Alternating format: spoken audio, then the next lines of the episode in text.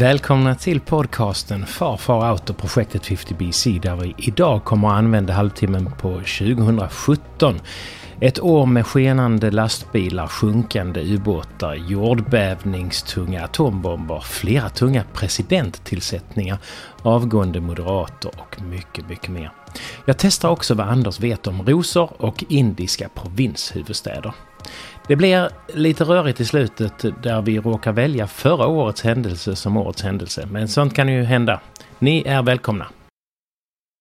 Ljud borttaget av upphovsrättsliga skäl. Vad ska vi göra nu Anders? Ja, nu ska vi... Eh, jag ska prata och du ska eh, sedermera beskära. Ja. Och så ska det bli eh, en eh, kort episod om 2017. 2017, shoot. Ja, 2017. Då måste jag börja med att eh, skryta lite. Eller Aha. vad ska jag säga. Så- En sån här jag mötte Lassie-grej som Ja. jag var i Expressen för. För den 1 januari så tillträder Antonio Guterres som eh, FNs generalsekreterare. Han efterträder då Ban Ki-Moon och jag vill bara säga det till alla er stackare som eh, inte har något bättre för än att lyssna på våran podd. Att eh, jag har faktiskt skakat hand med FNs generalsekreterare. Det känner jag ingen annan som har gjort. Oj, varför gjorde du det? Ja, han besökte missionen i Mali och Ah. eh, då fick alla vi gå till en sån här stor möteslokal där. Och eh, lyssna på honom och hans tankar. Och eh, detta var ju 2017 så han var rätt så ny. Mhm. Han var rätt nytillsatt. Eh, Och när han gick ut därifrån så, så råkade det bli så att jag stod precis i dörrhålet där. Och jag vet inte, jag tittade på honom och så. Plötsligt bara sträckte han fram handen och sa thank you for your eh, good work eller någonting sånt. Men oj, Jaha. det här är lite Forrest Gump över dig. Ja. Nej men det, det, det är ju sån här grej. Det var Ja. lite konstigt. Häftigt. För det är ändå, eh, även om FN är som det är, ganska tandlöst, så är det ju ändå en... Alltså är man generalsekreterare i FN så är det ju en rätt stor jävla tjänst Ja. faktiskt. Det är Alltså- inte så många som har varit det. Nej, nej, men det här är en världskändis såklart. Ja, så är Coolt. Ja. Eh, yes, sen eh, går vi till nästa världskändis som jag inte överhuvudtaget skulle vilja sk- skaka hand med. Och det är ju att den 20 januari så tillträder ju då Donald Trump som USAs president efter Barack Obama. Och Grattis, världen. Den eh, 21 januari så är, börjar eländet. Har du inte tänkt att ta med att eh, Nordkoreas eh, ledares bror, han blir mördad? Det tycker jag är jätteroligt. Nej, det valde jag bort för att jag har ju fått order om att jag måste ta bort allt oviktigt. Vi har en...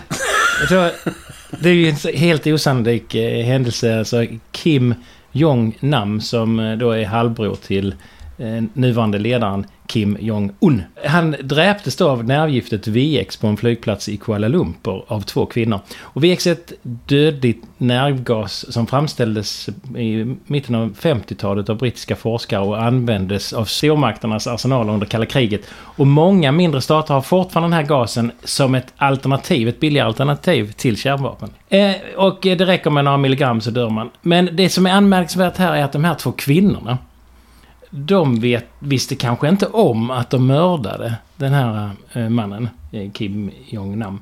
För att de eh, hävdar att de var med i en dolda kameran-show på TV. Och detta var då en del av den här showen. Som och faktiskt så, den ena kvinnan hon friades helt från anklagelsen och den andra fick ett jättekort fängelsestraff.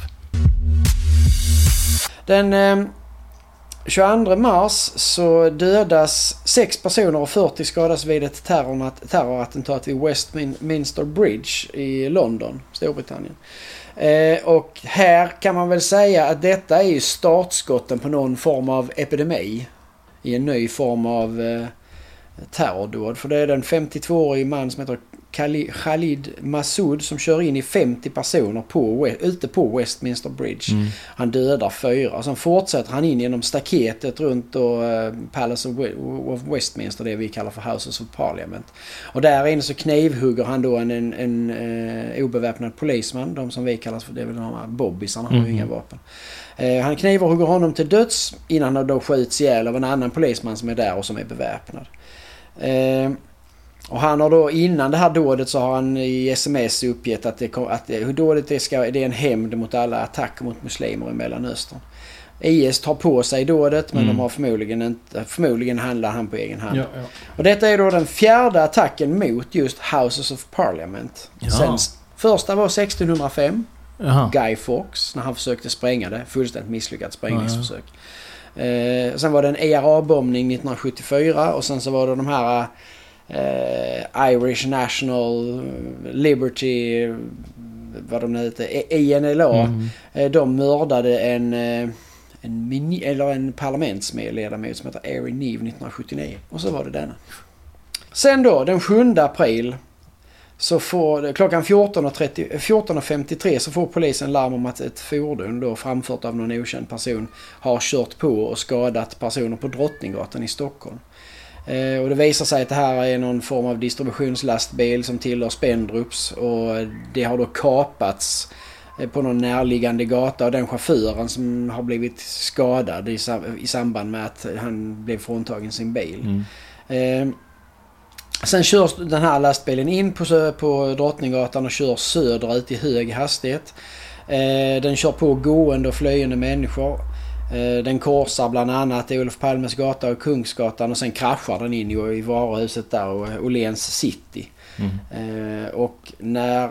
Körsträckan är ungefär 500 meter och när bilen krockar där så försöker han, föraren, att eh, spränga... Han har någon spränganordning inne i lastbilen som Jaha. han försöker tända på där för att han ska göra en stor explosion också. Men det lyckas inte riktigt. Det enda han lyckas, det lastbilen fattar eld och han fattar eld själv också. Och då flyr han ner i tunnelbanan och lyckas, han lyckas ta sig därifrån. Eh, totalt sett så, så dödas fem personer. Eh, det är tre svenskar, en belgier och eh, en, en belgare och en, en, en eh, från Storbritannien. Och fyra av dem är kvinnor och en är bara en, en 11-årig flicka. Mm. Det är tio personer som skadas varav nio kvinnor och en hund dör också. Eh, tack vare bilder från övervakningskamerorna så, så griper man snart den här gärningsmannen som visar sig vara en 39-årig usbek som heter Rahmat Akilov. Han har då fått avslagen på en asylansökan i Sverige någon månad tidigare och han vistades sedan januari då olovligen i Sverige. Eh, han hade radikaliserats över tid och fanns med i Säpos sånt här eh, terrorregister. Och han hade haft kontakt med IS-medlemmar eh, som... Alltså de IS-medlemmarna som gjorde det här bombdådet i Sankt Petersburg bara Ah. den fjärde... dag- Ja. Fjärde... Fjärde... Eh, ja, samma månad där då. Eh, och han hade uppmanats av dem att utföra den här attacken. Ja. Så svor, han, han gjorde någon videoinspelning där han svor trohet till IS dagen Ja. före dådet. Och sen uppgav han att syftet med det här var att förmå Sverige att sluta medverka i kriget mot IS. Sverige var ju gjord, genomförde ju Mm. utbildningsinsatser och sånt där. Och så skulle de också upphöra med sin sponsring av NATO. Kan man väl konstatera idag att det blev ju inte blev effekten. Eh, och IS då, de tog, alltså trots att de hade lovat Akilov att de skulle eh, ta på sig ansvaret för den här attacken eftersom han hade svärt dem trohet så gjorde de aldrig det. Akilov, eh, han var en helt vanlig kille i eh, Uzbekistan. Gjorde vapenfri tjänst.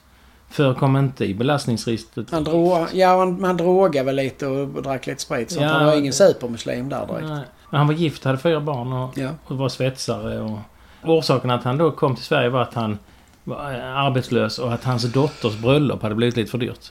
Och, och sen blev han liksom radikaliserad och... Ja, sen åkte han väl ner och skulle träffa sin fru nere i Turkiet. Ja, det blev inte bra. sånt efter en, stund där. Men då Skilde de sig? skilde de sig så åkte han väl typ och blev utbildad av IS Ja. istället. Den 14 april så varnar Kinas ut- utrikes- utrikesminister Wang Yi för att en militär konflikt gällande Nordkorea kan bryta ut vilken stund som helst. Och den varningen kommer då efter att USAs president Donald Trump eh, har lovat att ta itu med problemet Nordkorea. Mm. Han gjorde ju rätt många macho-uttalanden. Ja, ja, ja. eh, Och, så, och sådär. I alla fall då, 14 maj så tillträder då Emma- Emmanuel Macron som president i Frankrike. Han är då född 77, vilket ju givetvis är extremt ungt. Han är från början bankman, jobbat i finansvärlden, jobbat på lite olika fina banker. Han har dubbla masters, jag tror han har en sån här udda, eh, en i filosofi och en i någon, någon eh, internationell marketing eller någonting sånt där. Och han jobbar då först, han kommer in i politiken för att han blir utsedd som ekonomiminister då under François Hollande 2014-2016. Och Och 2016 så begär han då att nej men jag vill inte vara kvar på den posten för nu har jag bestämt att han ska, han har startat, han startar ett eget parti som heter En Marche som betyder framåt. Typ så här, Mm. nu, nu går vi oss framåt. Eh, eh, och det, för, det är för dem då han, eh, han kandiderar. Eh, han är gift med sin före detta lärarinna som är Brigitte som då är 24 år äldre vilket ja, är lite skandalöst men ändå Mm. accepteras ganska mycket för de är väldigt fina mot varandra. Ja, det är uppenbart att han är extremt eh, kär i henne. Eh, det här partiet som han då skapar, En Marche, det är ju egentligen någon form av lapptäcke där han han samlar ihop alla lite s- s- mitten vridna väljare och sånt här i alla möjliga partier. Alla, så att det är ganska centralistiskt parti vad man ska säga. Och det är ju så han blir väldigt populär. Eh, och sen ska jag säga det också att han är då förresten Frankrikes president, alltså Macron i det här fallet. Han är då även furste av Andorra. Vilket då är någonting, en, en roll man delar tillsammans med en spansk biskop då som heter biskopen av Urgell. Ja. Av någon anledning så har Andorra bestämt sig för att deras statschef ska vara 50% fransk president och 50% da- spansk biskop. Jag tror att det kan, kanske inte är Andorra, andorranerna som har bestämt det utan det har eh, då några belägringsmakter bestämt en gång. Ja, fast Men- det är ju uppenbarligen så att Andorra sen eh, de blev självständiga har Ja. en egen konstitution och tyckte att ja, men det är fortfarande en bra Det kör lösning. vi på fortfarande, det är bra. Ja. Yes, sen den 22 maj så dödas 23 personer och 1017 skadas vid ett terrorattentat och det är i Manchester, på Manchester Arena i Manchester. Det är en Ja. 22-årig självmordsbombare som heter Salman Ramadan Abedi som utlöser någon form av hemmagjord eh, sprängladdning med massa spikar och sånt. i. Alltså direkt precis efter en konsert med Ariana Grande. Oj. Ehm, och, ja, flera av offren av den här anledningen är barn och dådet är det dödligaste i Storbritannien sedan 2005. Och han dör ju då eftersom han är självmordsbombare. Men av någon anledning som inte jag, upp, jag hittar, den är inte sådär superklar. Så döms ju hans bror, 2020 så döms hans bror Hashem då till livstidsfängelse. Mm. eh, För medverkan i massmordet och det är för att han har hjälpt till lite med, Mm. men han döms för mord. Mhm. Eh, och det, men han har hjälpt till med lite så här, köpt lite grejer till den här bomben. Så han har Ja. haft vetskap men, men det är ändå rätt konstigt att han döms Ja. på det viset. Eh, så. så det känns som att de vill straffa någon och då tar vi hans brorsa. Mm. Sen börjar vi då eh, med en hög med sådana här tråkiga Donald Trump-besked. Först i juni så eh, meddelar de att de vill träda ur Parisavtalet. Vilket ju då är...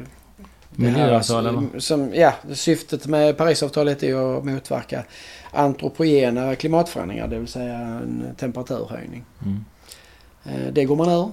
Ja. Sen eh, i augusti... Eh, jag har bommat datumet här också men jag skulle säga att... Eh, fan har jag bommat det för? Det är värdelöst. I alla fall. Eh, fan vi måste ha datumet på det Per. Helvete. Nej, det behövs inte. Säg nu. Ja. I augusti. Så mördas då den svenska journalisten Kim Wall ombord på en privat ubåt som är konstruerad och manövrerad av någon dansk uppfinnare som heter Peter Madsen. Peter Madsen. Det är vid 19-tiden som de beger sig ut eh, till havs med den här ubåten som heter UC3 Nautilus och de stävar då utifrån Köpenhamn. Eh, Wall då, journalisten, hon har för avsikt att göra något eh, reportage om den här Madsen och ubåten då.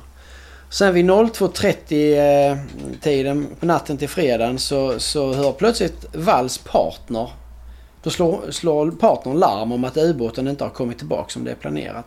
Och då inleds någon stor sökinsats. Klockan 11 då på fredagen dagen efter så påträffas den här eh, ubåten i Kögebukten och då är Madsen ombord och sen plötsligt sjunker ubåten. Eh, och han räddas men hon saknas. Eh, och han uppger då först för polisen att han har släppt av Wall på någonting som heter Räfshäluln. Nära restaurangen Halvanet. Och det ska han ha gjort vid halv elva eh, på torsdagskvällen. Eh, men de, polisen tror inte på honom där. Eh, så de griper honom och han misstänks då för mord alternativt dråp. Sen häktas han för vållande till annans död. För man har, kan ha väl svårt med att, hitta något uppsåt eller något sånt där kanske. Och sen natten till söndagen då den 13 augusti så bärgar man då ubåten. Och den 21 augusti så, upp, eh, så berättar eh, Peter Madsen att hon är död då. Att det har skett någon form av olycka eh, ombord och att den ledde till hennes död och att han då har begravt hennes kropp till sjöss. Jo. Och sen den 21 augusti så finner den danska polisen delar av en kvinnokropp som då har spolats upp på någon strand utanför Köpenhamn. Eh, och eh, några, två dagar senare så bekräftas det att det är Kim Wall. Och sen erkänner då Peter Madsen att han har styckat Kim Walls kropp och kastat delarna i Kögebukten. Men än så länge än idag så har det väl inte riktigt framkommit egentligen vad som är motivet. Om, om han har mördat henne eller om de har bråkat och han- hon har dött och han har fått panik. Eh, Det har i alla fall inte jag lyckats få någon klarhet i. Han verkar inte vara så tillräknelig att eh, intervjua eller förhöra. Nej, Så- han är ju helt bindgalen verkar det som. han kallas ju, kallades ju innan detta i, i Danmark kallades han för Rakit Madsen. Vet du varför? Ja, för att han var en sån eh, hittepå. Alltså han var helt galen eller? Nej, han hade bestämt sig för att han skulle vara den första som tillverkade en egen raket och skickade och, och åka upp eh, i rymden. Det vill säga han var helt galen. Ja. Och det är ett projekt som gick jättelångt. Nu har han ju lite problem att fortsätta projektet. Fortsätta med det. Men han har ju uppenbarligen trots allt byggt en ubåt som är Tre funktionell. stycken. Så Nautilus var den sista då. Men han har byggt två till innan. Så han Men var... hur har han märklig. liksom... Har han crowdfundat det eller? Eller är Ja, han det- en hemlig han var miljonär? Han var en lite kändis. eh, Jag vet inte om det, han fick pengar genom crowd, men... eh, Men eh, han var i varje fall väldigt ofta i media. Killgissning. Eh, den 25 augusti så meddelar då Anna Kinberg Batra sin eh, avgång från Moder- som Moderaternas partiledare. Och det är ju ironiskt nog efter att hon har sagt att de ska vara öppna för att samtala eh, kanske även då till lite Mm. så. De måste öppna, öppna sig för idén att samtala med Sverigedemokraterna. Ja. Eh, och det blir hon ju... Ja hon blir ju körd i en sån... Köttkvarn. Du, på tal om Batra. Du vet de politiska riksdagspartierna har, har alla en blomma som symbol. Eller nästan alla. Ja. Centern har fyrklöver. och, eh, Liberalerna, vet du vad de har? Nej, De har blåklint. blåklint. Kristdemokraterna har en vitsippa. Miljöpartiet är ju enkel. Ja, de har maskrus. Så Sverigedemokraterna har en blåsippa. Ja. Vänstern en röd nelika och sossarna En ros. en ros. Men vad med Moderaterna då? De har ju ett M. De har ingen blomma som enda riksdagsparti. Så därför ska vi leka frågesporten ros eller indisk huvudstad.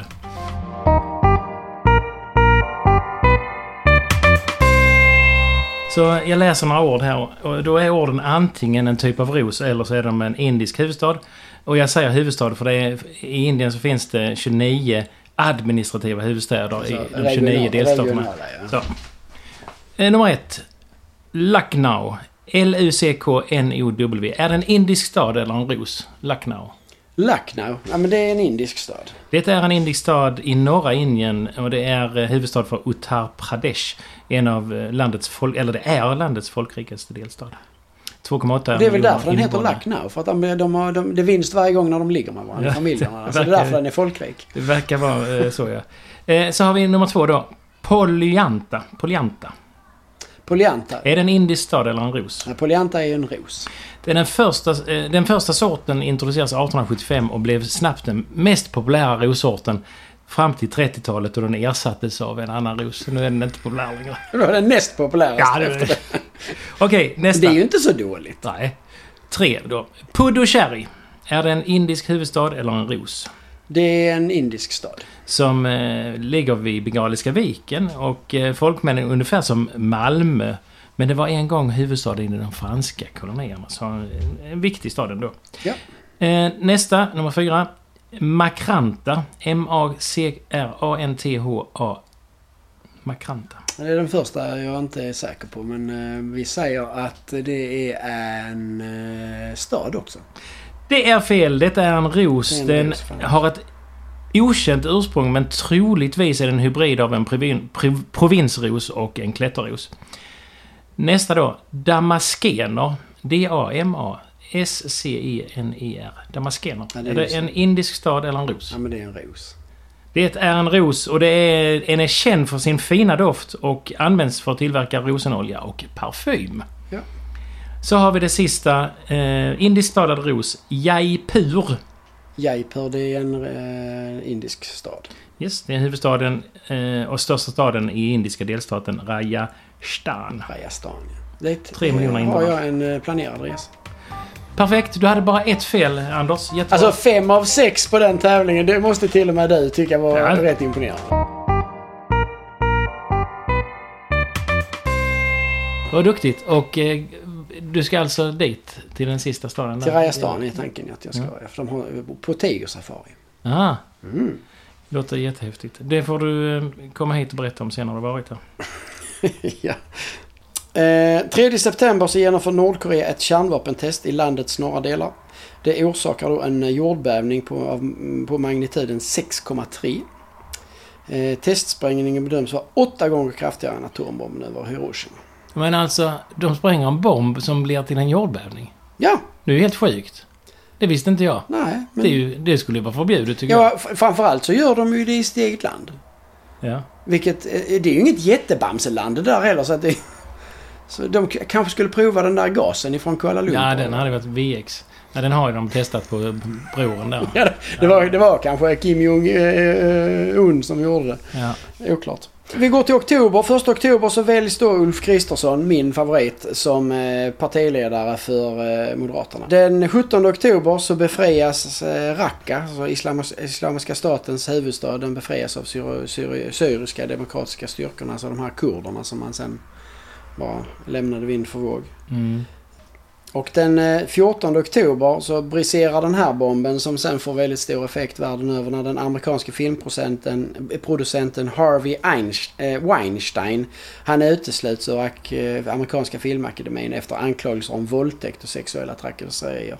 Och det leder då till den här uppmärksammade metoo-kampanjen som egentligen Mm. startar, som jag inte minns fel, av att en skådespelerska som heter Alissa Milano, hon är väl den som först skriver något eh, Och var skriver hon det, Anders? Ja, det måste väl vara på Facebook eller Nej, nej, nej, Instagram eller Twitter. Nej, Twitter! Ja, Det är på Twitter hela det startar Ja, det med hashtaggen metoo då. Om vi, om vi tar i Sverige då så, eh, så har vi till exempel Fredrik Virtanen, Lotta Bromé, Lars Ohly, Jean-Claude Arn... Arnaud, han kom. Ja, Arnaud. Det är ju sådana som eh, fick lämna sitt jobb eller blev liksom... eh, Ja, blev eh, kraschade på något sätt på grund av metoo. Ja, Martin Timell. Och där var det så att Lolo Carter, inredare, hon skrev på Instagram texten Timell är lika med TV4s egen Harvey Weinstein. Och sen var det ju, så fick han ju sparken då. Men, Ja, han har ju inte figurerat någonstans sen dess. jo, i, eh, i tingsrätten. Han fick... Ja, eh, jo, där har han såklart figurerat. Men sen var det ju även det här med han eh, Lasse Kronér. Det var ju Ja. ganska tragiskt när hans ex-flickvän som han hade varit ihop med och, och sen plötsligt så hamnade han i någon situation där att han, han hade ju, hon hade väl jobbat på TV så han hade, de hade skickat lite sms till varandra. mm. Sen blev de ihop. Och Just sen med- plötsligt långt i efterhand ja. så tyckte hon att då hade han ju utnyttjat sin ställning vilket blev ju helt konstigt också. Det kan inte vara det som har varit syftet liksom. Nej. Det var en del berättelser som man fick höra från, från kvinnor där jag tänkte att oj, om det här är moraliskt förkastligt så har jag inte eh, så väl eh, slipat kompass som jag borde ha. Det är klart att det här svängde ju. Det blev ju väldigt rödstrumpeaktigt Mm. efter ett tag. Det växte ju på ett sätt så att alla började liksom verkligen gräva i sina innersta gömmor och Mhm. hittade mansgrisar. Ja. För det är väl inte, tyvärr är det väl inte kanske långt från sanningen att de flesta kvinnor någon gång i sitt liv har träffat en mansgris. Eh, för att genom historiens alla tusentals år så har ju männen utnyttjat den, det, det som har gett män, mannen fördel i förhållande till kvinnan genom allt. Eh, genom, det är egentligen att vi är födda med större fysisk styrka. Ja. Att vi är födda med mindre eh, hjärnverksamhet än kvinnan, det har ju inte spelat någon roll. Eh, men Jag vill bara säga någonting om Harvey eh, Weinstein. Han eh, fick ju hålla på rätt länge utan samtycke. Mer än 80 kvinnor beskyllde honom för sexuellt ofredande. Och det är ända sedan 70-talet. Och samtidigt var alltså Harvey, ja, det här känns igen på något sätt, han var aktiv i välgörenhetsorganisationer som Gun Control, AIDS, diabetes, multipel sclerosis, Robin Hood Foundation. Han var företa företalare för healthcare och så vidare. Så det här är ju en Kapten Klänning. Eh. Om vi då går till vilka som eh, lämnade oss det här året så den 25 januari Sivert Öholm. Ja. 28 januari Lennart Nilsson om du vet vad jag menar. Ja, Lennart Nilsson. Alltså, det var ju väldigt stort när vi var små. Och då kom han precis ut med en bok om eh, där han hade liksom tagit bilder inifrån eh, eh, mammas mage Ja, på fostret. Ett barn blir till. Den kom 1965. Ja, ja. Och den var ju tagen med någon sån här minimal Hasselbladskamera. Ja, ja, det var hur kul som helst. Eh, den 5 februari så dör Björn Granat. Ja, han håller på med någon idrott. Kan det vara någon skridsko eller någonting? Nej men det är, det är faktiskt inte helt fel på det för det fanns faktiskt en skridskoåkare som hette Johan Granat. Ja, okej. Men Björn Granat han har ju ett av filmsveriges mest kända citat på sin eh, serie. Aha, då är det ifrån... eh, Tyngden på dalskidan Ja, älskling. ja, ja. Eller pappa, han kallar dem för liftwaffe. Ja. Det är han som eh, den galne faren i andra sällskapsresarfilmen. Eh, Roger Moore, 23 maj, 89 Roger år gammal. Tittar du på eh, James Bond eller gillar du dem? Ja, jag tittar på James Bond. Absolut. Ja. Vem är favoriten? Ja, ska jag vara riktigt ärlig så, så tyckte jag... Jag tycker han som har varit nu sist har varit eh, Är det Craig fruktansvärt bra. eller vad heter han? Ja, Daniel Craig. Men sen tyckte jag även om eh, Timothy Dalton som inte någon Ah. annan tyckte. Han tyckte jag, för, för han var så, det som var bra med honom var ju att han var ju okänd så han blev Ja. ju, alltså, Ja. eh, han, var, han blev ju James Bond. Roger Moore var ju liksom helgonet och eh, Mm. han tramsade ju mest. Och Sean Connery, jag såg ju inte, de filmerna fanns ju inte när jag, de har inte jag sett förrän Nej, efter nej, Sean nej, Connery precis. var Sean Connery Nej. liksom. Nej, för mig är det, är det Roger Moore. Jag tyckte han var fantastiskt charmig och rolig. Och... Ja men det, var, det blev ju lite parodi på... Absolut. Det var på- lite mer lättsamt. Ja, och, medan Daniel Craig så är det bara en vanlig actionfilm. Ja, liksom. men han är trovärdig samtidigt. Helmut Kohl, här har vi nästa sån ty, eh, barndomspolitiker när man bara hörde namnet på Rapport liksom. Han har ingen koll. Men Ja. Han eh, var ju förbundskansler 82 till Det var 90. där man eh, kunde minnas både vad en eh, regeringschef hette och vad Tyskland har som energikälla. Alltså hallå? 12 oktober, Bo Holmström. Ja, han är författ eller journalist och skrek Lägg ut! Lägg ut! Ja, dels det där på västtyska ambassaden. Men sen var ju även han som på Norrmalmstorgsdramat. Det var Just han det. som stod där i sju Mm. dagar liksom. Eh, rätt bra. Han var- han har varit på jobbet vid rätt tillfälle kan man tycka. Då är vi framme vid eh, valet av årets händelse. Och Anders, har du tänkt efter vad du Ja tycker men det, är det viktigt? valde vi ju egentligen redan i förra avsnittet. Nej. Jo. För då hade vi två alternativ. Det Ja. var dels det vi valde och så var att, eh, att Donald Trump eh, skulle bli vald, att han blev vald till president. Och då sa du att ja men nu tar vi detta här för det där andra, blir- han, han tillsätts inte för nästa år. åh, vad jobbigt. För att eh, då har jag ju ett motförslag. Och det är ju metoo. Ehm, och sen så har vi ännu ett förslag som vi var inne på tidigare här och det är det här att terrorattackerna med lastbilar, att de kommer igång. Men de kom i och för sig igång året innan. Men... ehm, ja. Ja, ja, alltså vi pratar tre viktiga händelser absolut. Men jag har oerhört svårt att se att någon politisk tillsättning de senaste 50 åren har haft större global påverkan i både hur saker och ting har utvecklats vad gäller polarisering och sånt där. Men även hur mycket det har rört upp känslor runt om. Eh. Du har rätt Anders. Eh, Donald Trump, eh, att han blev president, är 2017 års händelse. Och metoo får stryka på foten på grund av att Donald är också en metoo-snubbe.